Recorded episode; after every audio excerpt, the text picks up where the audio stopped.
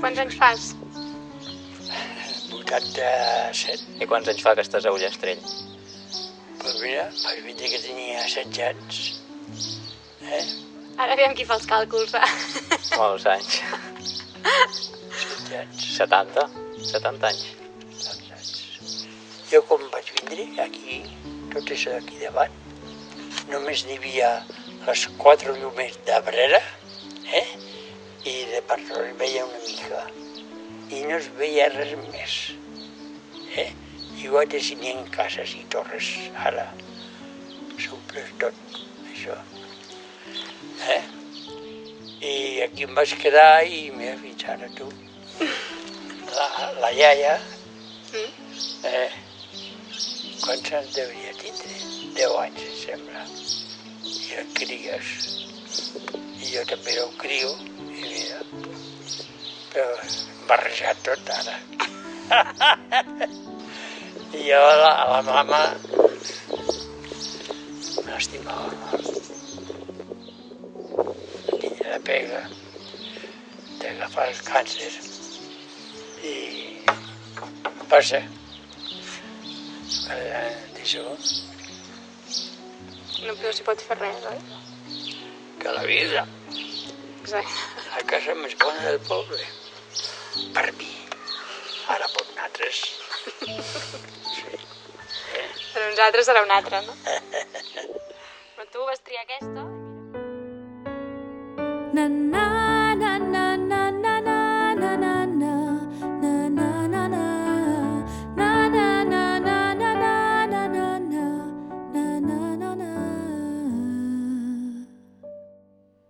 Vallgorguina Aquesta és la història d'un noi i una noia. D'una noia i un noi. Una història que podria ser la de qualsevol de nosaltres, I de vosaltres. que potser no és extraordinària, Però és una història d'amor com qualsevol de les que es viuen a la vida. perquè tothom ha viscut un cop a la vida una història d'amor. I si no l'has viscut encara, prepara't, perquè aviat et tocarà tu. I aleshores potser et capgira la vida. Te la canvia de dalt a baix. L'amor no sempre aporta coses positives. Però a vegades sí. Moltes vegades aporta mals de cap I de panxa. i mals d'amor. Mals d'amor sempre, sempre n'aporta. Però l'experiència de la muntanya russa de l'amor val bastant la pena de viure-la. Val molt la pena viure-la. Seguiràs corregint-me durant tota la història? Ai, perdó. Això és amor. Tot va començar fa uns quants anys. Quan menys intentava trobar algú amb qui viure una aventura, pam! Això sempre passa. Tinc algunes amigues que es passen dies i dies amb l'objectiu de trobar algú, que surten de casa per anar a comprar el pa més arreglades que mai, per si de casa aquest algú està al forn comprant o per si se'l troben pel camí. El cas és que no se'l troben mai, aquest algú. I de sobte, quan deixen de buscar, quan es rendeixen, quan surten a comprar el pa amb un xandall mal aconjuntat i un monyo mal fet al cap, llavors, pam, apareix l'algú. És igual que quan perds alguna cosa, les claus de casa, per exemple. Et passes dies buscant per tot arreu, per totes les butxaques de pantalons, jaquetes, a les motxilles, al cotxe, a totes les cases de les amigues on has anat, i res. Llavors ve la teva àvia o la teva mare i et diu que facis un nus a un mocador de roba i diguis San Cucufato, San Cucufato, hasta que no lo encuentre los cojones no te desato. Apa, apa, que bèstia. No, no, jo no ho he dit mai així, eh? És San Cucufato, San Cucufato, hasta que no lo encuentre, no te los desato. I la gent ja entén de què parles. No cal ser tan explícita. Perdó. I tu li dius a la teva mare o a la teva àvia que això no t'ho creus, que no funciona, que quina tonteria. Però quan no et veu, vas al calaix del teu pare a robar-li un mocador de roba, perquè ara ja no es porta ni tu no en tens. I ho fas d'amagat i no li dius res. I al cap d'uns dies, quan ja estàs mirant preus per canviar el pany, pam, apareixen les claus, quan ja no buscaves. Doncs amb l'amor igual. I aquell dia, allà en un poble que ni tan sols me'n recordo del nom, va passar exactament això. Vallgorguina. Me'n recordo perfectament, com si fos ahir, de fet. Jo crec en l'amor a primera vista, en el flechazo, en veure una noia i dir és la dona de la meva vida. També és cert que això m'ha passat més d'una vegada, i clar, de dona de la meva vida, així com a títol, realment només n'hi hauria d'haver una, no? Vull dir que, que jo sóc enamoradís. Em diuen quatre coses maques i ja és la dona de la meva vida. Tot i que ella, de coses maques ben poques. Però aquest cop va ser diferent. Aquest cop sí que vaig saber que era ella, que no era un enamorament d'estiu. De fet, perquè estàvem a la tardor i a la tardor no es viuen amores de verano. Jo sempre havia esperat trobar algú amb qui compartir la vida. I allà estava ella. Jo estava dalt de l'escenari fent el meu monòleg de festa major. Parlo de moltes coses al monòleg, i l'amor és un dels temes que tracto. I de cop, en un moment en què el text diu «L'amor és meravellós. Qui no creu en l'amor romàntic? A veure, aixequeu la mà. Dani, posa'm una mica de llum que vull veure el públic». I el Dani m'il·lumina el públic i pam!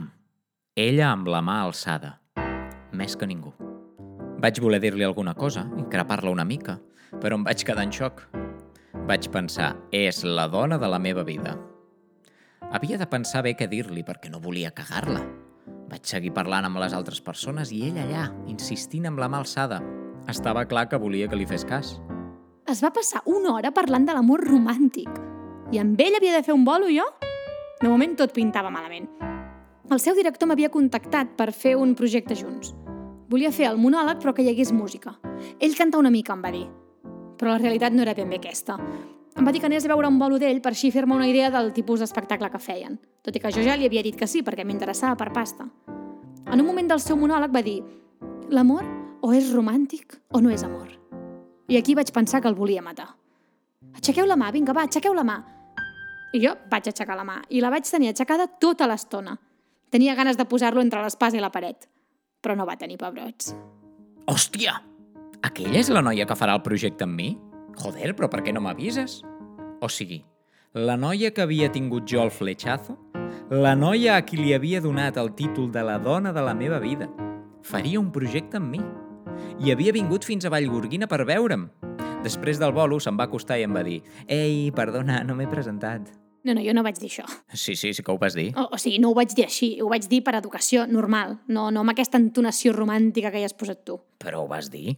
Us avanço una mica la història perquè si no amb aquest podem estar-hi anys. És que els detalls són importants. Són el que fan que una història sigui especial. Sí, però no tenim tot el dia. Senyor, sí senyor. Després d'aquest primer moment al poble aquest, um, Vallgorguina. això, després d'aquest primer moment al poble de Vallgorguina, va passar lo típic que acostuma a passar a totes les històries de flirteig actuals. Instagram, després WhatsApp... Em vas donar tu primer el número, eh? Sí, però perquè tu me'l vas demanar. També és veritat. Però no t'hi vas oposar gaire. Entre una cosa i l'altra ja va ser el dia de la funció. Ens havíem vist un parell de vegades que vam fer uns assajos abans del bolo. Va resultar que tampoc és que fos un projecte, sinó que em necessitaven per aquell bolo. Va ser fàcil d'estudiar-ho i preparar-ho, la veritat, i prou ben pagat, així que tot bé. A la meitat del bolo, per trencar una mica el gel amb el públic i també amb ella, em vaig aventurar a fer-li una entrevista. Perquè així pogués explicar una mica més qui era ella i, i que es pogués vendre una mica, vaja. No t'ho creus ni tu. En sèrio, la intenció era única i exclusivament aquesta. Vaig asseure'm al seu costat, de fet a la seva banqueta del piano, i li vaig començar a fer preguntes. El tio se'm va posar allà al costat i em va cosir a preguntes. Que sí que havia estudiat, que si era de no sé on... Fins que amb la resposta d'una pregunta el vaig deixar mort. Visc a Viena. Estic estudiant un màster allà. Hòstia! La dona de la meva vida vivia a Viena. Quina putada. Bé, en el fons no és tan putada, perquè jo me'n podia anar a viure a Viena i llestos. El problema és que ella encara no sabia que jo era l'home de la seva vida, així que el procés de coneixença podia ser una mica complicat. Molt complicat. El que ve després d'aquest primer bolo és també el típic que passa en la història de flirteig de dos noies joves. Trobades fortuïtes fent veure que són de casualitat. Podem fer una birra? Una birra? Eh, vols anar a un recital de poesia? Poesia? Um, vols anar de festa? De festa? Això no va bé. A un concert? D'acord. A un concert sí. Doncs no arribo al concert i se'n planta amb camisa, corbata i americana? Que anàvem a veure un concert d'uns col·legues que tocaven en una festa major de barri a la una de la matinada, saps? I el tio amb camisa, corbata i americana. Allò no anava bé. A mi ningú m'havia dit el tipus de concert al que anàvem. I vaig pensar que al ser pianista aniríem a un recital de piano o alguna cosa així. I em vaig posar ben guapo, com a mi m'agrada. Perquè a mi m'agrada molt anar amb corbata. I m'és igual si és una festa de barri o a Liceu. A ella li agrada portar arracades? Doncs a mi m'agrada la corbata. Jo no suporto les corbates. Quan el vaig veure em volia morir. Quina vergonya! Vaig pensar que això només ho arreglàvem amb uns quants gin tònics. Vam anar cap a la barra a demanar i li vaig dir tònica! Guai! Ei, dos gin tònics! No, no, una tònica, sense ginebra. Hòstia, cada vegada anava pitjor. No suporto la gent que necessita alcohol per divertir-se. Però és que a sobre havíem quedat per conèixer-nos. O sigui que a sobre ella necessita un gin tònic per parlar amb mi. Vaig començar a pensar que m'havia equivocat donant-li el títol de la dona de la meva vida. Els seus col·legues aquests que tocaven feien molt soroll, tocaven una mena de heavy i era una tortura. Em vaig girar per donar-li la tònica, sense ginebra, i me'l trobo posant-se uns taps a les orelles perquè hi havia massa soroll. Eh, És que sóc molt sensible d'oïda, jo. No m'agraden els sorolls forts, m'agraden els concerts, però no les festes. I ella m'havia enganyat, m'havia portat a un concert que en el fons era una festa. L'endemà al matí no sabia ni on era. De cop em vaig adonar que no estava sola i que no estava a casa meva. Els gin tònics van fer el seu efecte. Ni tan mal, escolta. Jo tenia un vol per tornar cap a Viena aquella mateixa tarda. No vaig ni esmorzar, vaig marxar. Lo del títol cada vegada era més dubtós. Em semblava que m'havia equivocat. Vaig passar uns quants dies a Viena i no tenia clar què havia significat tot allò. En el fons tenia ganes de tornar-lo a veure, però era el dia i la nit, no sabia si funcionaria. Però tampoc m'hi havia de casar, no? A més a més, que el meu plan a Viena era gaudir a tope durant l'any i potser quedar-m'hi a viure si trobava feina després del màster. Em va enviar un WhatsApp. O sigui, flipa. Ell enviant-me un WhatsApp que deia exactament Ei, que fa mil que no parlem, com estàs? Espero que bé. Què, no han sortit més bolos del nostre projecte? Molaria tornar-lo a repetir. Aquí a Viena conec un lloc que fan unes sessions de micro obert. Potser podries venir i fem un bolo aquí. Què et sembla? Demano hora?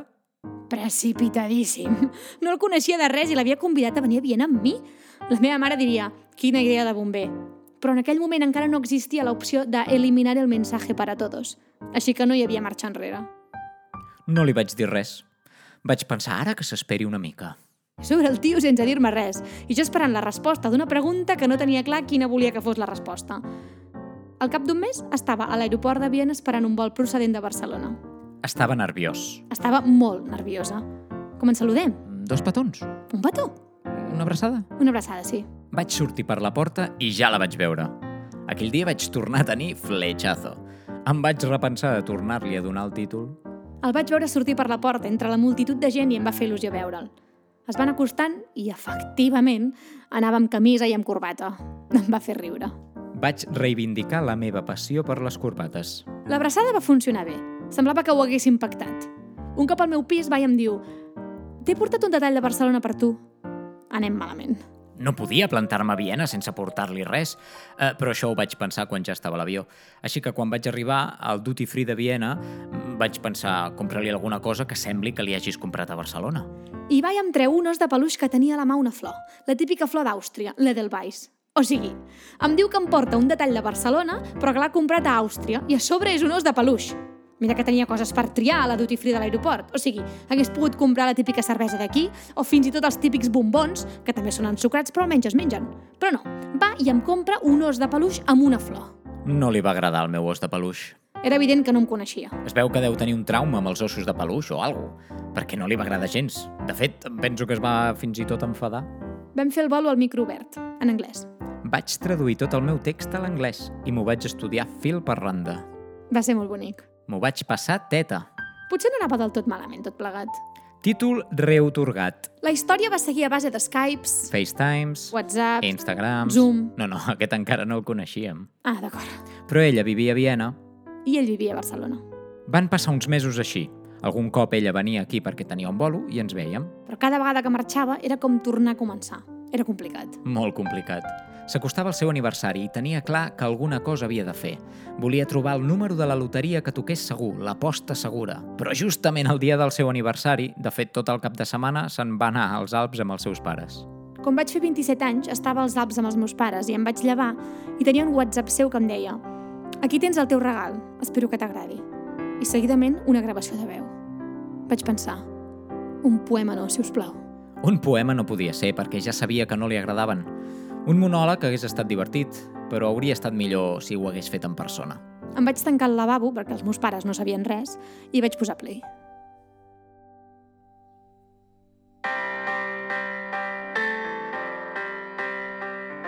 Qui m'hauria dit a mi que avui intentaria cantar així?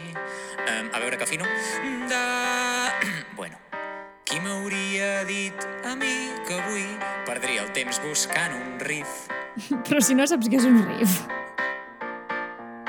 I quan menys t'ho esperes et veus badant de cap a peus. Qui m'hauria dit a mi que avui et felicitaria així?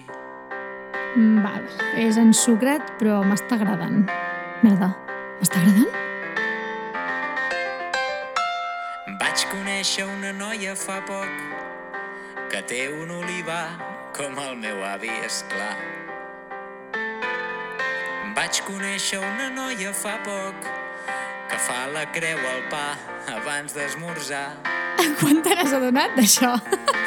I quan menys t'ho esperes et veus badant de cap a peus. Qui m'hauria dit a mi que avui et felicitaria així que tinguis un bon dia. 27 ja en són uns quants que es compleixin tots els somnis demanats. I si jo hi surto en ells, genial.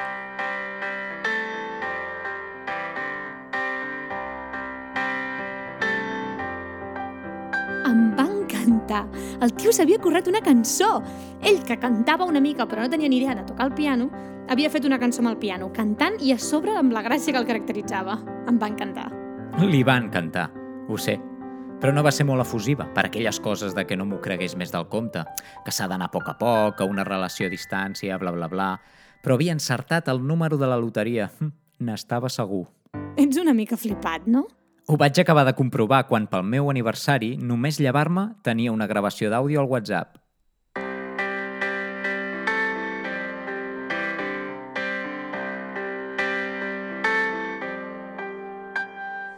Qui m'hauria dit a mi que avui intentaria escriure així?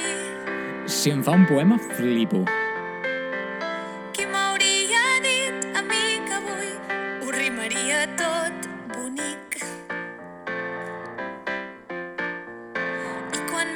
esperes et veus badant de cap a peus. Qui m'hauria dit a mi que avui voldria que fossis aquí? Ha dit que voldria que fos allà? Això s'està posant molt interessant. Vaig conèixer un noi fa poc que sempre va amb camisa i amb corbates, clar. I ho penso seguir fent. Vaig conèixer un noi fa poc és un friqui com jo dels musicals. I quan menys t'ho esperes et veus badant de cap a peus. Qui m'hauria dit a mi que avui et felicitaria així que tinguis un bon dia. 27 no en són bastants fer realitat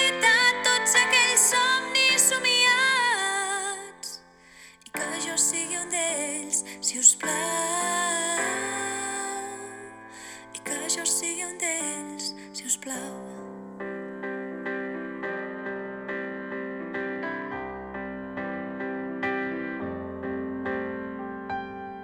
Merda, m'he passat d'ensucrat.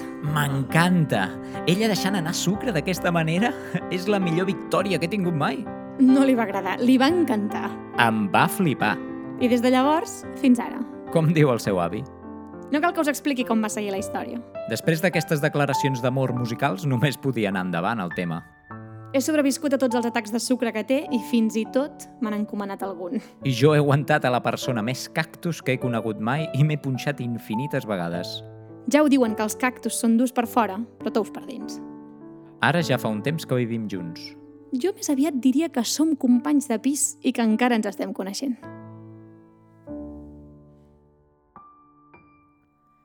I fins aquí les històries de l'avi Josep.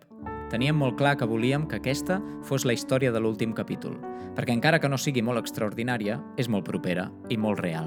Qualsevol semblança amb la realitat és pura casualitat. De fet, jo no sóc pianista ni he viscut a Viena.